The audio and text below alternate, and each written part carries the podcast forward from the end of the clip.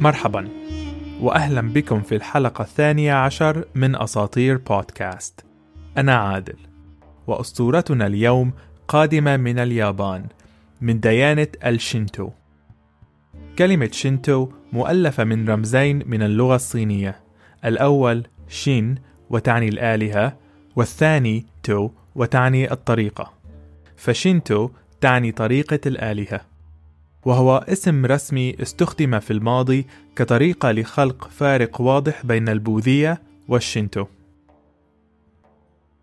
عنوان حلقة اليوم هو إيزاناغي وإيزانامي أقاما عمود السماء المهيب.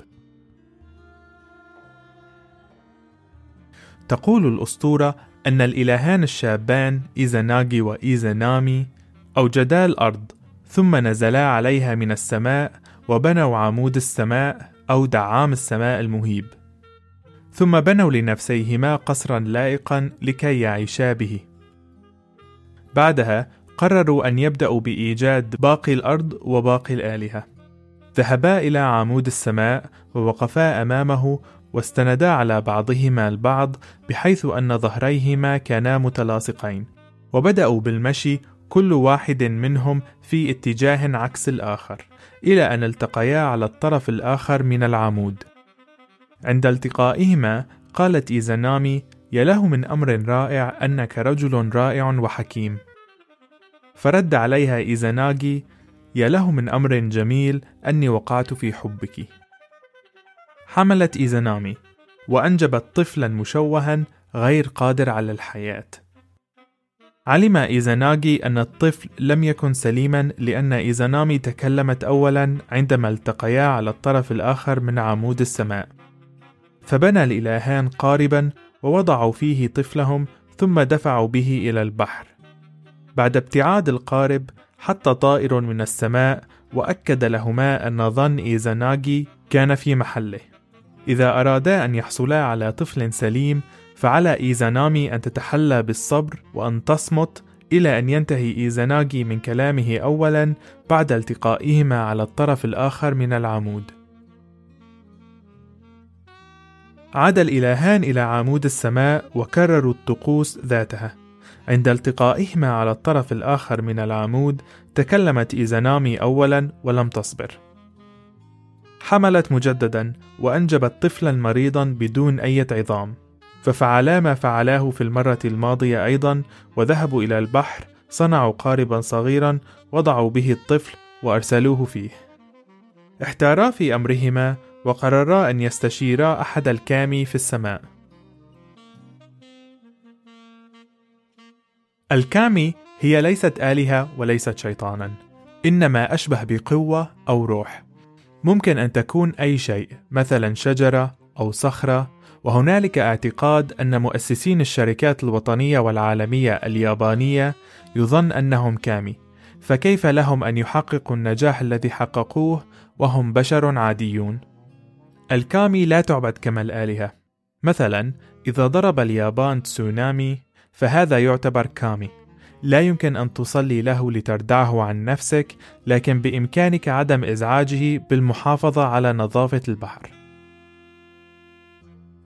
المهم ذهب إيزاناغي وإيزانامي إلى أحد الكامي الذي يقطن السماء وسألاه عن سبب مرض طفليهما.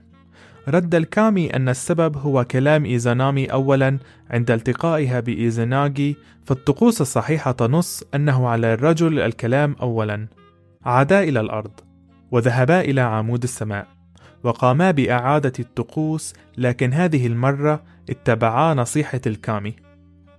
حملت إيزانامي وأنجبت أطفالا كثر. كل أطفالها أصبحوا آلهة. فولدت آلهة الشمس أماتيراسو وكانت رائعة الجمال. أرسلاها والداها على الجسر الإلهي إلى السماء لتضيء الأرض بأشعتها الذهبية. ثم أنجبا تسوكيومي إله القمر وأرسلوه على قوس قزح ليستقر في السماء وينير الأرض في الليل. أخيرا حملت إيزانامي وأنجبت إله النار تاغوتسوتشي ولكنه ولد مشتعلا وحرارته وناره أعطوا إيزانامي الحمى وعدة حروق على جسدها فمرضت كثيرا.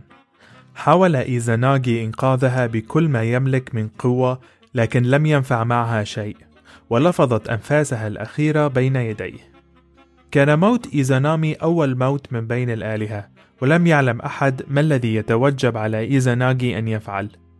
حزن كثيرا وسكن قلبه الغضب وبكى كثيرا لأيام متواصلة ثم قرر أن يأخذ جسد زوجته إلى جبل هيبا في هيروشيما. تابع البكاء فوق جسد زوجته وكانت دموعه عظيمة فانبعث من دموعه آلهة البحار وآلهة المطر وصخرة عظيمة. أثارت الصخرة غضبه لسبب ما فاستل سيفه وضرب الصخرة العملاقة فشطرها في المنتصف إلى الآن الصخرة موجودة في هيروشيما وبإمكانكم زيارتها هناك. في موجة غضبه وحزنه على زوجته وباستخدام سيفه ذبح ابنه إله النار وقسم جسده إلى ثمان قطع. هذه القطع الثمانية شكلت البراكين العظيمة في اليابان. حاولت التأكد من هذه المعلومة فوجدت أنه يوجد إحدى عشر بركان عظيم في اليابان. ثمانية منها مشتعل لكن مجموع البراكين الكلي هو 111 قطرات الدم من جسد تاغوتسوتشي شكلت بدورها آلهة جديدة لشدة قوتها وبركتها. عندما انتهى إيزاناغي من قتل ابنه، قرر أن لا يحزن بعد اليوم، وقرر أن الحل الوحيد لكي يسترد سعادته هو أن يسترد إيزانامي من عالم الأموات يومي. تقول الأسطورة أنه في ذلك الوقت كان الفاصل بين عالم الأموات وعالم الأحياء هو بوابة تبعد حوالي مليون ميل عن إيزاناغي لكن المسافة لم تكن عائقا له فمشى إلى أن وصل إليها في الطريق قابل كل أنواع الوحوش ولكن لم يثنيه شيء عن هدفه. عبر البوابة ومشى إلى أن وصل إلى قلعة الأموات. كان طريقه مملوء بالظلال وكأنه لم يكن أي شيء حقيقيا. لم يكن للأجسام وجوه تامة ولم يكن للأرواح أجساد حقيقية. دخل إلى القلعة وبدأ بالبحث عن زوجته. بحث كثيرا وتنقل من غرفة إلى أخرى إلى أن وجدها. حين وجدها استوقفه شكلها. علم بالتأكيد أنها هي إيزانامي لكن لم تكن كما عهدها. بدا شكلها كالظل وبدت كأن أحدا قد سلب منها كل قواها. لم يثنيه ذلك عن مهمته. اقترب منها وذكرها بنفسه فتذكرته وطلب منها أن تعود معه إلى عالم الأحياء لكي ينهيا ما بدأا هناك. للأسف رفضت وقالت أنها لا تستطيع. فقد أكلت من طعام الأموات وقوانين يومي تقول أنه لا يمكن مغادرة يومي بعد أن تأكل من طعامها. هذا القانون يدعى كيو شاكو وتتشارك الميثولوجيا اليونانية مع اليابانية في هذا القانون وسنتحدث عنها لاحقا. أصر عليها وترجاها أن تعود معه ولم يكل أو يمل. بسبب إصراره قالت له أنها ستحاول أن تقنع آلهة الموت حامية يومي أن تدعها تذهب وطلبت منه أن يبقى في مكانه وأن لا يتبعها أبدا مهما تأخرت أو مهما كان فضوله قويا. وافق على ذلك، وبقي في انتظارها حوالي الساعة إلى أن مل وغلبه الفضول فتبعها. كان المكان مظلما ومليء بالظلال. أخرج من شعره مشطا خشبيا وباستخدام سحره أشعل النيران فيه ليرى ما حوله. مشى وشعلة النار تقود طريقه إلى أن رأى كتلة من اللحم والأحشاء بدون أي عظام. كانت الجثة الغريبة مليئة بالحشرات والديدان. عندما اقترب منها لاحظ أنها إيزانامي. لم يعلم ما حدث لها حتى أصبحت بهذا الشكل فصرخ من الرعب مما أيقظ الظلال وإيزانامي النائمة. عندما لاحظت أنه خان عهدها وتبعها من دون علمها صرخت باكية ثم قامت من مكانها وتبعته محاولة الإمساك به لكنها لم تنل منه فصرخت بصوت عال منادية للشيكومي الشيكومي هم ساحرات شيطانية يسكنون عالم الأموات ومعروفون بقوتهم وسرعتهم وبشاعة منظرهم. طلبت منها أن تمسك به مع أن إيزاناغي كان متقدما إلا أن هذه المخلوقة بفضل سرعتها الفائقة أوشكت على أن تمسك به. فما كان منه إلا أن خلع الوشاح المربوط على رأسه ورماه في وجهها لكن قبل أن يرميه حوله إلى عنقود من العنب. رائحة العنب أوقفت الشيكومي فلا شيء في عالم الأموات ذو رائحة لذيذة كهذا العنب. بحذر بدأت بأكله ونسيت إيزاناغي لعدة دقائق مما ساعده على الخروج من القصر واتجاه نحو البوابة.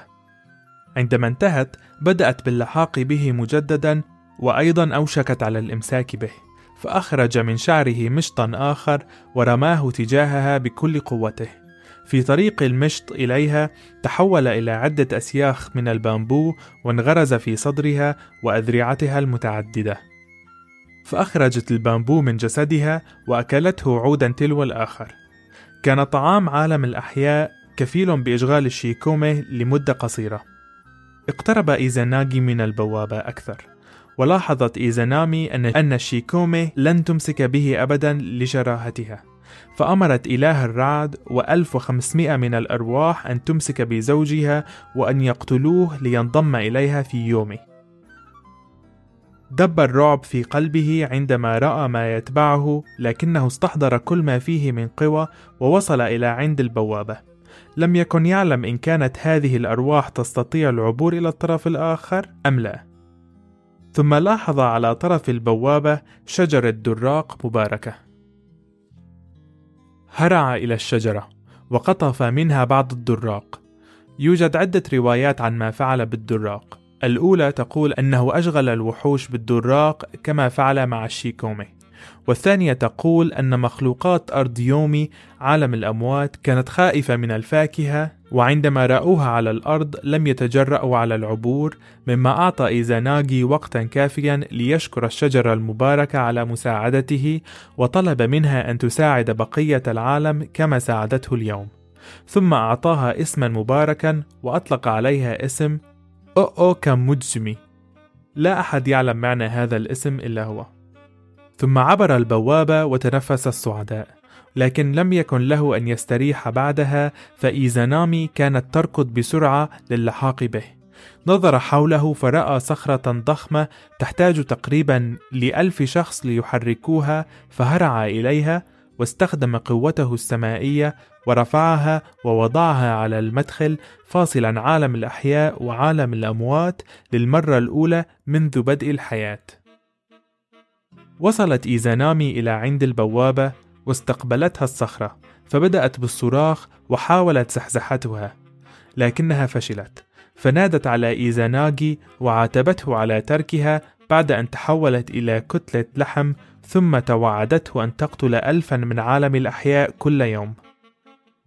رد إيزاناغي عليها بصوت متعجرف وقال أنه سينجب 1500 مخلوق للحياة يوميا ثم مشى وغادر من عند البوابة. بعد وجوده في عالم الأموات لعدة ساعات شعر إيزاناغي بالقرف فاتجه باتجاه شلال قريب. عندما وصل خلع ملابسه ووقف تحت الشلال تاركا المياه تنصب على رأسه وكتفيه وجسده لتطهره مما تعرض له. ما إن لمست المياه جسده إلا وولد من عصاه إله الطرق. ومن حزامه إله الرحلات الطويلة. وأيضا ولد إله الزمن وخرج من ثوبه المرمي على الأرض إله الألم ثم إله التقاطع ومن تاجه المرمي على الأرض إله الشبع ومن يده اليسرى إله البحر ومن اليمنى إله الضفة العميقة. في رواية أخرى تقول أن آلهة الشمس إيماتيراسو خرجت من عينه اليسرى بعد أن غسلها. وإله القمر ولد بعد أن غسل عينه اليمنى وفرح بهم كثيرا وقلدهم الشمس والقمر. وقبل أن يخرج من تحت الشلال قرر تغيير اسم إيزانامي إلى يومي ناكومي مما يعني آلهة بلاد الجحيم الكبرى.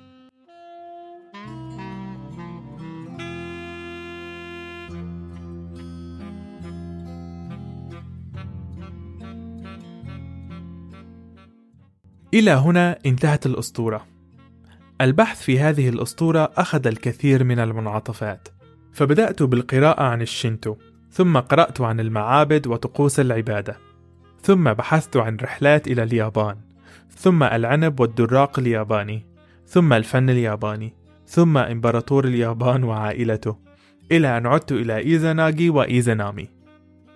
من أهم ما تعلمت أن العنب والدراق اليابانيين باهظين الثمن جدا لكن يستحقون التجربة إذا كنتم في اليابان في فصل الصيف. ديانة الشينتو هي الديانة العظمى في اليابان إلى اليوم وتقريبا يوجد ثلاثة ملايين تابعين لها. بدأ الشينتو تقريبا في القرن الرابع قبل الميلاد ولا يمتلك كتابا مقدسا مثل ديانات أخرى. لكن اليابانيين يمتلكون كتاب الكوجيكي الذي يحتوي تاريخ اليابان وعدة قصص أسطورية. استخدمته كأحد المصادر لهذه القصة لكن قراءته صعبة أحيانا لأن بعض المقاطع مترجمة حرفيا ونسختي مترجمة من اليابانية إلى الفرنسية ثم إلى العربية. أحد الأشياء التي لفتت انتباهي كان مدى التشابه بين هذه الأسطورة وتقريبا أسطورتان إغريقيتان. سأذكرهم في وقت لاحق. خصوصا في وصف عالم الأموات. في ديانة الشينتو لا يوجد خلق بالمعنى المفهوم بديانات مثل الإسلام والمسيحية إنما يوجد وجود. مثلا عندما قال إيزاناغي لإيزانامي أنه سيوجد 1500 مخلوق الترجمة الحرفية للنص تقول أنه سيساعد على ولادة 1500 مخلوق وليس سيخلق مع أنه إله. أيضا في ديانة الشنتو النظافة والطهارة مهمة جدا. اقتباسا من الحمام الذي غسل فيه إيزاناغي جسده بعد أن خرج من يومي يغسل الشنتونيين أجسادهم قبل دخول المعابد على مداخل معابد الشينتو يوجد بركة أو بئر وعليها عدة أوعية خشبية موصولة بعصا صغيرة لتسهيل الاستخدام. إذا كنتم ستدخلون أحد المعابد، تبدأون أولا بملء هذا الوعاء الذي يشبه الملعقة الكبيرة، ثم تصبون الماء على يدكم اليسرى، ثم يدكم اليمنى، وفي النهاية يجب أن تصبوا ما تبقى من الماء على العصا الموصولة بالوعاء لغسلها. يوجد الكثير من المعابد في اليابان في وسط المدينة وحتى على أسطح أبنية المكاتب ويتم استخدامها يوميا للصلاة والتعبد في كل معبد يوجد قائد روحي شبيه بالإمام أو القسيس ويمكن أن يكون رجل أو امرأة مهمة هؤلاء الأشخاص هي ليست نشر التعاليم أو إلقاء الخطب أو حتى المغفرة حصلوا على موقعهم من خلال علاقة مميزة كونوها مع الكامي مهمة أصحاب المعابد الرئيسية هي الحفاظ على العادات والتقاليد والاحتفالات الخاصة بالشينتو. الكامي صعبة الشرح، ولا أظن أني أفهم كليا ما هي، لكن وصفها بالروح أشعر أنه الوصف المثالي. اعتقاد قديم في اليابان يقول أن الإمبراطور كان إلها، مع أن الزمن قد دحر هذا الاعتقاد، بقي الشينتو بدون إله واكتفى بالكامي. قرأت في أحد المصادر أن سلالة الإمبراطور مرتبطة بالكامي. تفصيل مجمع آلهة الشينتو جدا صعب، أتمنى أن لا أكون قد أخطأت بأي من المعلومات. مع الزمن إذا تعلمت أي شيء جديد يصحح أحد المعلومات التي ذكرت سأضيفه في شرح هذه الحلقة أو سأصححه في حلقة مستقبلية. تاريخيا ديانة الشينتو لا تملك مؤسسا أو نبيا أو إلها يعبد ولا حتى تتطلب من متعبديها أن تكون الدين الوحيد بإمكانك أن تمارس الشينتو مع أي ديانة أخرى أحد أهم وأشهر معالم الشينتو هي البوابة الموجودة على مداخل أو داخل المعابد وتدعى توري ويمثل عبور هذه البوابة التحول من العالم العادي إلى العالم المقدس. استخدمتها في حزورة هذه الحلقة لأرى كم عدد الأشخاص الذين سيعرفون موطن التوري. لا أعلم النتيجة بعد لأني أسجل الحلقة قبل نشر الحزورة على إنستغرام. بالحديث عن إنستغرام نشرت من أسبوعين تقريبا صورة كتاب قديم استرجعته مؤخرا يدعى قصص الديانات لسليمان مظهر وساعدني جدا في هذه الحلقة. إذا كان عندكم أي اقتراحات لكتب عن الأساطير باللغة العربية شاركوني بها رجاء. مصادر اللغة العربية تسهل علي إعداد الحلقات جدا وقراءتها جدا ممتعة. بإمكانكم أن تجدوني في كل مكان تويتر، بنترست، يوتيوب، انستغرام اسم البودكاست هو أساطير بود A S A T E E R P O D.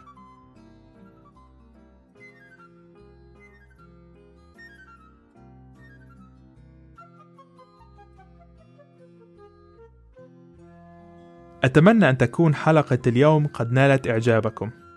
لا تنسوا متابعة البودكاست على الإنستغرام كي لا تفوتكم الحزازير والأعمال الفنية التي أشاركها هناك.